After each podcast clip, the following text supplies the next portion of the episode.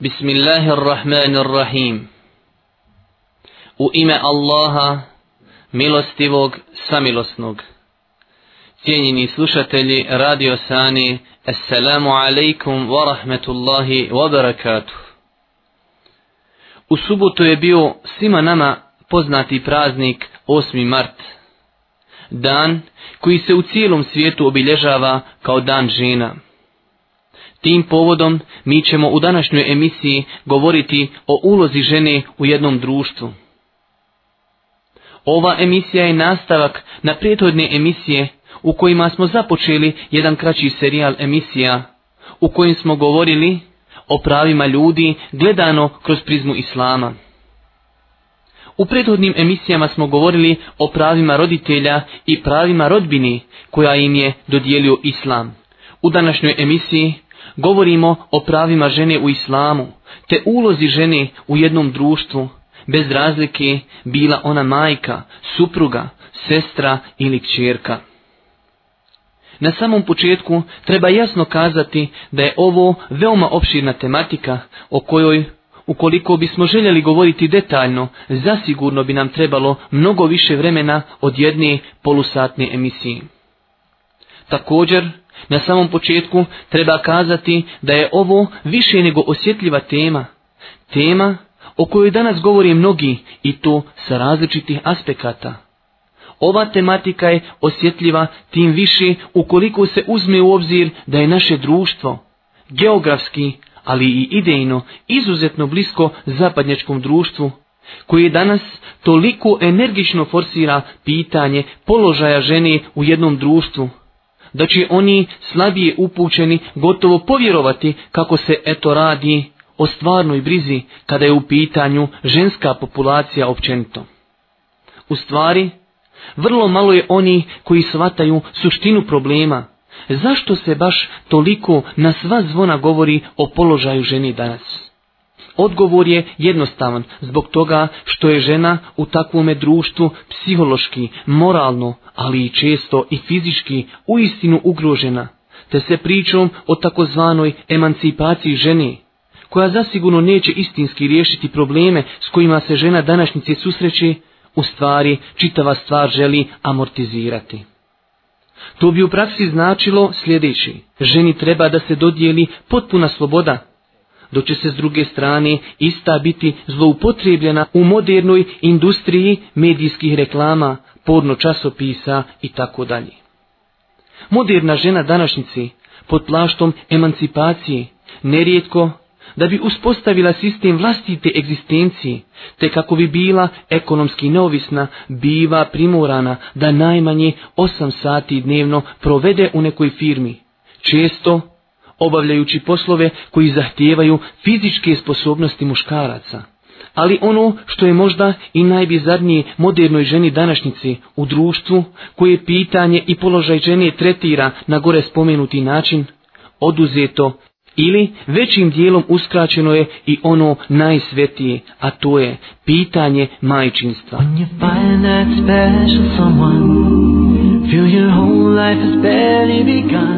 Slušate duhovnu radio emisiju Imanski karavan.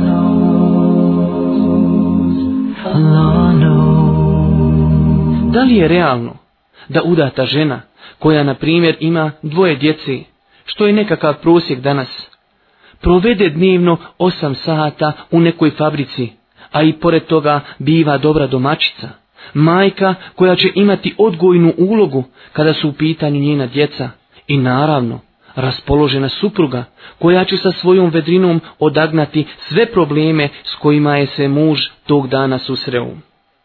Odgovor na postavljeno pitanje prepustit ćemo vama. Međutim, nije pravedno da žmirimo pred realnošću, te da frapirajuću situaciju naših adolescenata koji se već u svojim 14. ili 15. godinama u praktičnom smislu susreću sa problemom droge, konzumiranja alkohola te kriminalnim deliktima koji nerijetko poprimaju najkritičnije oblike i završavaju sa ubistvima, pripisujemo nekom drugom, a ne nama. Nije li porodica osnovna čelija jednog društva u kojem majka zauzima neprikosnovenu ulogu? Nisu li roditelji majke i očevi najviši odgovorni za neprimjerno ponašanje njihove djeci? Naravno da jesu. Međutim, sve ovo je rezultat narušavanja institucije porodice, koja je određujući faktor društva, koji onda, kada majka izgubi svoju ulogu, a otac svoju biva iskušano raznim drugim pošastima, koji se međutim najviše odražavaju na populaciju omladini, onu populaciju koja će sutra kao takva upravljati strukturama državi. Svjedoci smo danas naših političara, za koje niko od nas ne može da kaže da nisu kvalificirani, odnosno školovani. Međutim, ono što većina njih zasigurno ne posjeduje jeste moralne vrijednosti, koji ne dozvoljavaju pojedincu da svoje lične interese pretpostavlja interesu zajednice, što nažalost nije slučaj kod većini naših političara. Ili drugim riječima, da li će se naše društvo, cijenjeni slušatelji, uistinu mnogo okoristiti od omladine koja će sutra pozavršavati fakultete, ali koja neće posjedovati onu moralnu dimenziju koju su trebali usvojiti i ponijeti još i svoje uže porodice, a za koju je majka, ne umanjujući ulogu oca, bila najodgovornija. Koliko je samo ljudi koji su u osnovi muslimani, ali u pogledu prava ženi, ustrojenja porodici, odgoja djeci, tu su definitivno okrenuli leđa islamu i njegovim principima i objeručke prihvatili sve ono što im dolazi sa zapada, bez bilo kakvog filtriranja, ili odabira. Jednostavno, sve što dolazi sa zapada biva prihvaćeno, pa makar i sam zapad, njegovi intelektualci i analitičari na sav glas govorili o negativnim posljedicama dotičnih stvari. Na kraju ovog uvoda, zbog osjetljivosti ove teme, te postojanja mnogih neispravnih ubjeđenja i predrasuda po ovom pitanju, pozivam slušateljstvo da objektivno gledaju na činjenice i argumente o kojima ćemo govoriti. Zašto? Zato što je objektivno sagledavanje bilo čega jedini način da čovjek svjesno odaberi ono u čemu je korist za njega, njegovu porodicu, društvo u kojem živi. Spomenut ćemo nekoliko argumenata koji ukazuju na mjesto i prava koja je Islam dodijelio ženi. A nakon toga poslužit ćemo se nekim izjavama zapadnjaka koji su kompetentni da govori o mjestu žene u zapadnjačkom društvu, ali i o problemima koji su nastali kao plod podvali emancipaciji. Koliko je oni koji na sav glas govori kako je Islam obezvrijedio prava ženi, kako su žene u Islamu diskriminirane, ne obazirući se pri tome na činjenicu kako je Islam svojim dolaskom napravio izuzetno veliku reformu u pogledu položaja žene generalno. Islam je uzdigao ženu nakon što je bila niko i ništa. Žena u prijašnjim narodima, civilizacijama nije imala skoro pa nikakvih prava. Poznato je da su neki uskraćivali ženi nasljedstvo, neki su zabranjivali ženi da raspolaži sa materijalnim dobrima, neki su smatrali da je muško dijete nakon smrti oca najprioritetnije da oženi očevu ženu. Kako ne bismo pomislili, cijenjeni slušatelji, da je riječ o nekim dalekim civilizacijama koji su davno iščeznule, pokušat ćemo da budemo što precizniji u pogledu historijskih datuma. Na primjer, Francuzi su 586. godine Otprilike, kada je počela objava Kur'ana, žestoko raspravljali o tome da li je žena ljudsko biće ili nešto drugo. Na kraju su odlučili da je žena ipak ljudsko biće, koje je međutim stvoreno isključivo kako bi služilo muškarce. Začuđujući, zar ne? Ili možda je još bolji primjer koji nam dolazi iz zemlje, koja se danas smatra izvorom zapadne kulturi, primjer engleski, u Engleskoj je sve do 1805. na snazi bio zakon po kojem je suprug mogao da proda suprugu jasno precizirajući cijenu ženi. Pazite, sve se ovo dešavalo samo prije 200 godina. Oni koji su ženu smatrali trgovačkom robom danas su definitivno izvor kulture većeg dijela bošnjaka. Ostavimo na trenutak ove iskrivljene ideologije i kulture, te pogledajmo na trenutak u period prije 1400 godina, tako daleko vrijeme u kojem je žena muslimanka, zahvaljujući postulatima islama, živjela ponosno i sretno, kao biser u školjci. Imala je pravo na studiranje, pravo na nasljedstvo, pravo da posjeduje imetak i da sama raspolaže njime. Imala je pravo na razod braka, da bude poštovana kao majka, sestra, kćerka, supruga. Ako se radi o ženi, majici, na nju se odnose riječi uzvišenog Allaha, gdje kaže, gospodar tvoj zapovjeda da se samo njemu klanjate i da roditeljima dobročinstvo činite. Kad jedno od njih dvoje ili oboje kod tebe starost doživi, ne reci im ni uh i ne podvikni na njih i obraćaj im se riječima poštovanja punim. Također na nju se odnosi riješi poslanika, kada su ga upitali, ko je najpreći da se prema njemu lijepo opodimo, odgovorio je alehi selam, tvoja majka. A potom Allahu poslaniče, tvoja majka, a potom tvoja majka, a potom tvoj otac. Tri puta majka, a potom otac. To je mjesto koje je Islam dodijelio majci, dok su je drugi u svojim tradicijama nasljeđivali nakon smrti muževa.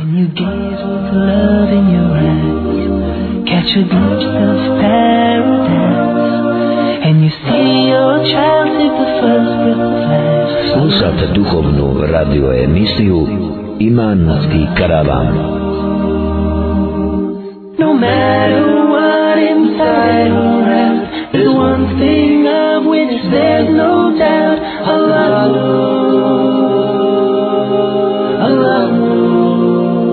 Ako se radi o supruzi, na nju se odnosi riječi poslanika. Najbolji među vama su oni koji su najbolji prema svojim suprugama, a ja sam najbolji prema svojim suprugama. Dok su Englezi prodavali žene na pijacama, poput najobičnije robe, žena u islamu je uživala tolika prava, da dobročinstvo prema njoj, kao supruzi, smatralo se istovremeno pokornošću uzvišenom Allahu. Ako je kćerka, na nju se odnose riječi poslanika. Ko odgoji dvije kćeri ili o njima brine sve dok ne odrastu i udaju se, doći će na sudnji dan, pa ćemo ja i on biti kao ova dva prsta. I sastavio je Allahu poslanik svoje prste. Pogledamo li, cijenjeni slušatelji, sa razmišljanjem na principe vjere Islama, vidjet ćemo da izuzetno mnogo pažnje posvećuje ženi kao i to da jasno i precizno definiše njenu ulogu u jednom društvu. Islam nijednog momenta nije zapostavio činjenicu da žene sačinjavaju minimalno polovinu društva, a druga polovina neminovno prolazi kroz njenu naruči. Ukoliko se tom dijelu društva ne bude posvećivala zavidna pažnja, to može izazvati velike probleme i devijaciju u jednom društvu. Žena se sigurno razlikuje od muškarca kako fizički, tako i psihički, što je svakako uočljivo i na prvi pogled. Tijelo žene ne posjeduje snagu koju posjeduje tijelo muškarca. S druge strane, žene po svojoj prirodi posjeduju mnogo više strpljenja. Žena je više sentimentalna od muškarca. Sve ovo su činjenice u vezi kojih ćemo se svi složiti islam kao prirodna vjera. Sve navedene činjenice uze u obzir te je svakome dao obaveze, prava i odgovornosti koji odgovaraju muškarcu, odnosno ženi, a koji će muškarac, odnosno žena, moći kvalitetno ispunjavati shodno svojim fizičkim, mentalnim i svakim drugim sposobnostima. Dakle, Islam na pitanje jednakosti između čovjeka i žene gleda na jedan realan način – te ženu i muškarca nije učinio ravnopravni, jer bi to bila nepravda naspram oba spola, nego ih je učinio svoje pravnim. Dakle, žena i muškarac su kroz prizmu islama svoje pravni.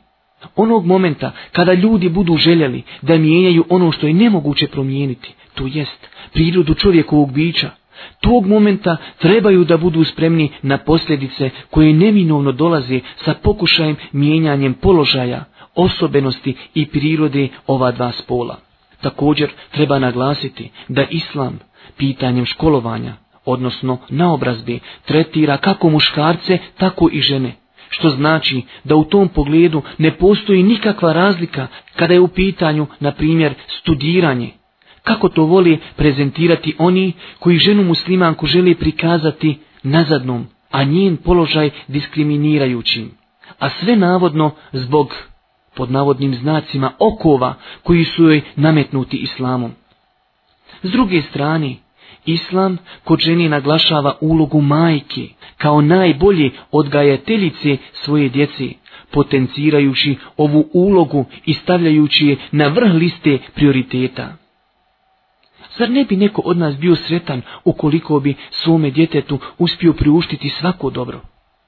ali s druge strane, ukoliko bi njegovo dijete postalo delikvent, i to zbog praznine u odgoju koja je nastala kao rezultat udaljavanja majki u kontekstu odgojne uloge. Naravno da to ne bi voljeli. Međutim, da bismo izbjegli eventualno takav katastrofalan izhod, na nama je odnosno na ženama je, da ne dozvoli da bilo čim ugrozi ulogu majke, samim tim ulogu najbolje i najsuptilniji odgajateljice svoje djeci. Jednostavno, uzvišeni tvorac je svakom je podario određene sposobnosti, na osnovu kojih je pojedincu određene stvari stavio u obavezu. Ilustracije radi, muškarac, ma koliko god se trudio, nije u stanju da zatrudni, a kamoli da rodi dijete. Ove činjenice nam ukazuju na istinu kako su muškarci i žene svoje pravni, ali nikako ravnopravni. Jer bi takva postavka stvari neminovno ugrožavale interese jednog kao i drugog spola.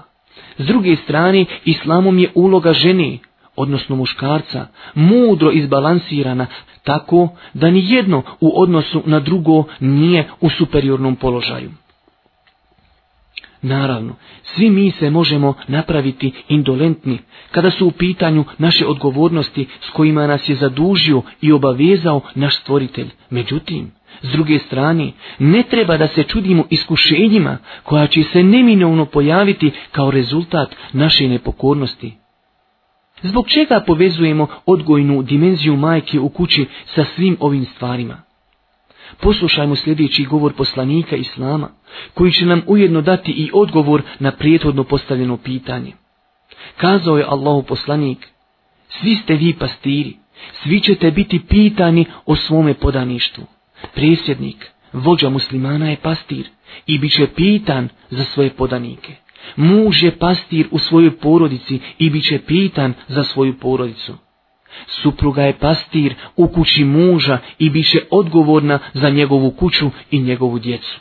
Rob je pastir vlasnikovog imetka i bit pitan za njega.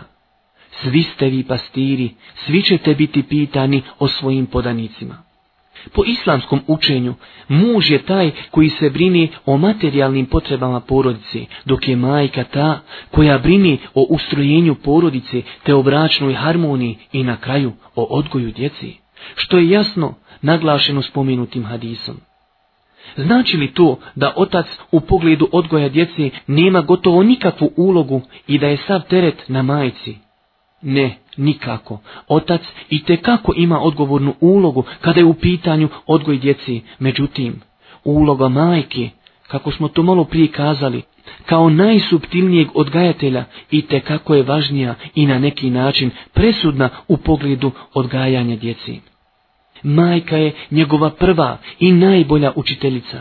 Njen rad sa djetetom u odgojnom polju će se na djetetu primješivati tokom njegovog cijelog života u pozitivnom ili negativnom smislu.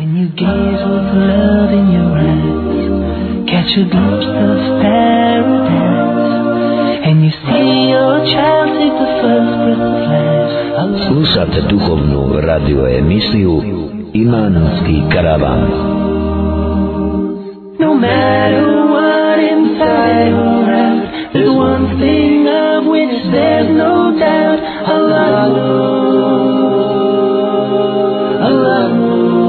Veoma bitna činjenica, cijenjeni slušatelji. Prije nego li počnemo govoriti o stvarnim razlozima i podvalama emancipacije, izjednačavanja muškaraca i žena, jeste i ta da žena ni u kom slučaju ne smije da pomisli da je njena obaveza odgaja djeci i obavljanja kućnih poslova minorna i da ne zaslužuje pažnju, te da se osjeća drugorazrednom osobom u kući. Ukoliko žena radi u nekoj firmi i mjesečno zajedno sa svojim mužem ostvaruje određena primanja, zasigurno će takva porodica puno lakše preživljavati u državi u kojoj se nalazimo. Međutim, ako će se time žrtvovati nešto što je stotinama puta vrijednije, a to je porodična harmonija, odgoj njenog djeteta, onda bi takav potez zasigurno bio neracionalan. S druge strane, pogledajmo svuda oko nas i vidjet ćemo da je naša omladina, a prije svega naše djevojke, u većini slučajeva oličje zapadnješke kulturi. Nisu li informacije o trudnim djevojčicama već iz osnovne škole postale naša realnost, koje gotovo da nam više i ne paraju uši? nije li nevinost, pošteno govoreći, kod naših djevojaka postala zadivljujuća, ali istovremeno i toliko rijetka stvar. Nije li nakon svega ovoga pitanje koje glasi, pa kuda tu ide ovo društvo, postalo najopravdanije pitanje? Zar ćemo se pomiriti sa svim ovim gnusnim činjenicama? s druge strane, hoćemo li imati snage i priznati da su sve ove pošasti rezultat usvajanja zapadnjačke kulturi, gdje je u većini slučajeva postalo normalno da djeca gledaju porno filmove sa svojim roditeljima. Niko nema pravo da misli kako ovdje neko ima nešto protiv nekog drugog. Ne, mi ovdje govorimo samo o jasnim činjenicama i na isti upozoravamo. Je li sve ovo uistinu dio naše bošnjačke tradicije, koja je prožita islamom, ili se radi o virusu koji je došao sa strane, a koji uništava našu unutricu? Naravno, da se ne smijemo pomiriti sa svim ovim napastima i privatiti sve ovo kao realnost. Ali pitanje koji se nakon svega ovoga nameće glasi, pa ko odgaja te naše djevojčice? Gdje su njihove majke i čime su to one zauzete pa nemaju vremena? Ili pak ne želi da se suoče sa realnom opasnošću njihove djeci? Zašto se realno ne zapitamo zašto je žena danas postala isključivo seksualni objekat? Njene duhovni, moralni, pa i stručne vrijednosti gotovo da moderno društvo i ne interesuje. Dok je mlada, lijepa, dok se prodaju njenih fotografija i njenim reklamiranjem onoga što nema nikakve veze sa ženom, kao što su automobili, telefoni, kade u kupatilima, može ostvariti materijalna korist, do tada ona vrijedi, a kada njeno lice, tijelo, počne gubiti ljepotu, nekako samim tim i žena prestaje biti atraktivna. Poslušajmo samo neke izjave zapadnjačkih intelektualaca, publicista i analitičara koji govori o problemima zapadnjačke kulturi, koju mi, nažalost, smatramo savršenom, pokazujući to našim postupcima. Zar nije, cijenjeni slušatelji, davno kazano, historija je učiteljica života? Nažalost, nismo čuli za ovu izreku, ali smo malo pouka iz nje uzeli. Razuman čovjek bi trebao da se okoristi tuđim greškama. Ako se naučno dokazalo da je nešto uzrokovalo dekadenciju te srušilo prijašnje civilizacije, moderno društvo bi trebalo da se kloni tih stvari kako bi se sačuvalo od onoga što je zadesilo prijašnje civilizacije. Kazao je poznati Louis Prol. Politički predvodnici u posljednjem periodu Rimskog carstva živjeli su u društvu velikog broja moralno nestabilnih žena. Danas imamo istovjetno stanje onome koje je vladalo u tom vremenu. Žene su premašile limit normali u pretjeranoj ljubavi i stremljenju ka raskoši i užicima.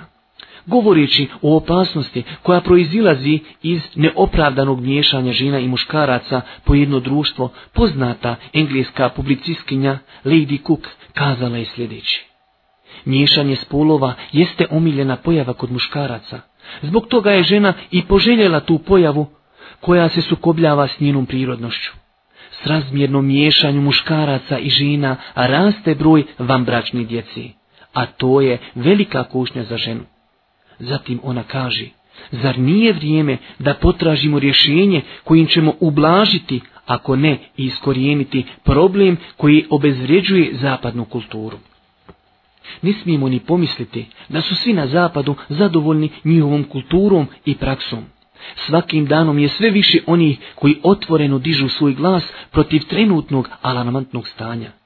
Već podavno su mnogi kritikovali zapadnu kulturu, koja je zasnovana na lažnim principima emancipacije. Davno je kazao svima poznati Ogist Kont. Obaveza je muškarcu da izdržava ženu. To je prirodni zakon za ljudsku zajednicu. Taj zakon odgovara temeljnom načinu života ženi koji ona provodi u kući. To obavezivanje muškarca da izdržava ženu slično je obavezi staleža radnika da izdržavaju krug intelektualaca da bi se oni svom snagom mogli predati izvršenju svoje primarne zadaći. Zatim on dodaje Društvo je obavezno da osigura život svakoj ženi koja nema muža ili rodbini, zbog toga što je ona ovisna o muškarcu, zbog nužnije moralne uloge koju obavlja. Na taj način možemo osjetiti stvarno poimanje ljudskog napretka. Život ženi mora ostati u kući koliko je to moguće i žena se mora osloboditi svakog javnog posla kako bi dostojno mogla izvršiti svoju životnu ulogu. Poslušajmo kako gledaju ljudi, intelektualci, sa zapada na emancipaciju ženi. Kazao je Gustav Lupin. Pod imenom pokreta za emancipaciju žena je ustala tražiti jednakost sa muškarcem u pravima i odgoju. Zaboravila je razliku između ove dvije vrste u snazi i razumu. Ako uspije u svojim zahtjevima, učinit će evropskog čovjeka izgubljenim, on neće znati gdje mu je dom u kojem će se skrasiti, niti porodica uz koju će postići smiraj. Savremeni filozof Bertrand Reisel je kazao, raspad porodice dogodio se uslijed upošljavanja ženi u javnim poslovima. Istraživanja pokazuju da žena odbacuje uobičajene moralne norme i odbija ostati vjerna jednom muškarcu ako se ekonomski osamostali. Na kraju, cijenjeni slušatelji, možemo samo kazati da ove izjave nisu ništa novo za muslimane. To su izjave koje su kazane od ljudi koji su objektivno s realnošću gledali na stanje ljudi koji ih okružuju. Sve u želji da im ukažu kako da se sačuvaju od propasti koja je pred njima. Islam je već davno ukazao na smjernice ustrojenja društva koji, ako se društvo bude pridržavalo, sigurno će osjetiti sreću zadovoljstvo, harmoniju u ovo svjetskom životu, prije vječne sreće koje ih čeka na budućem svijetu. Cijenjeni slušatelji Radio Sani, to je bilo sve što smo vam pripremili u ovoj emisiji do našeg narednog slušanja za 15 dana. Esselamu alaikum wa rahmetullahi wa barakatuh.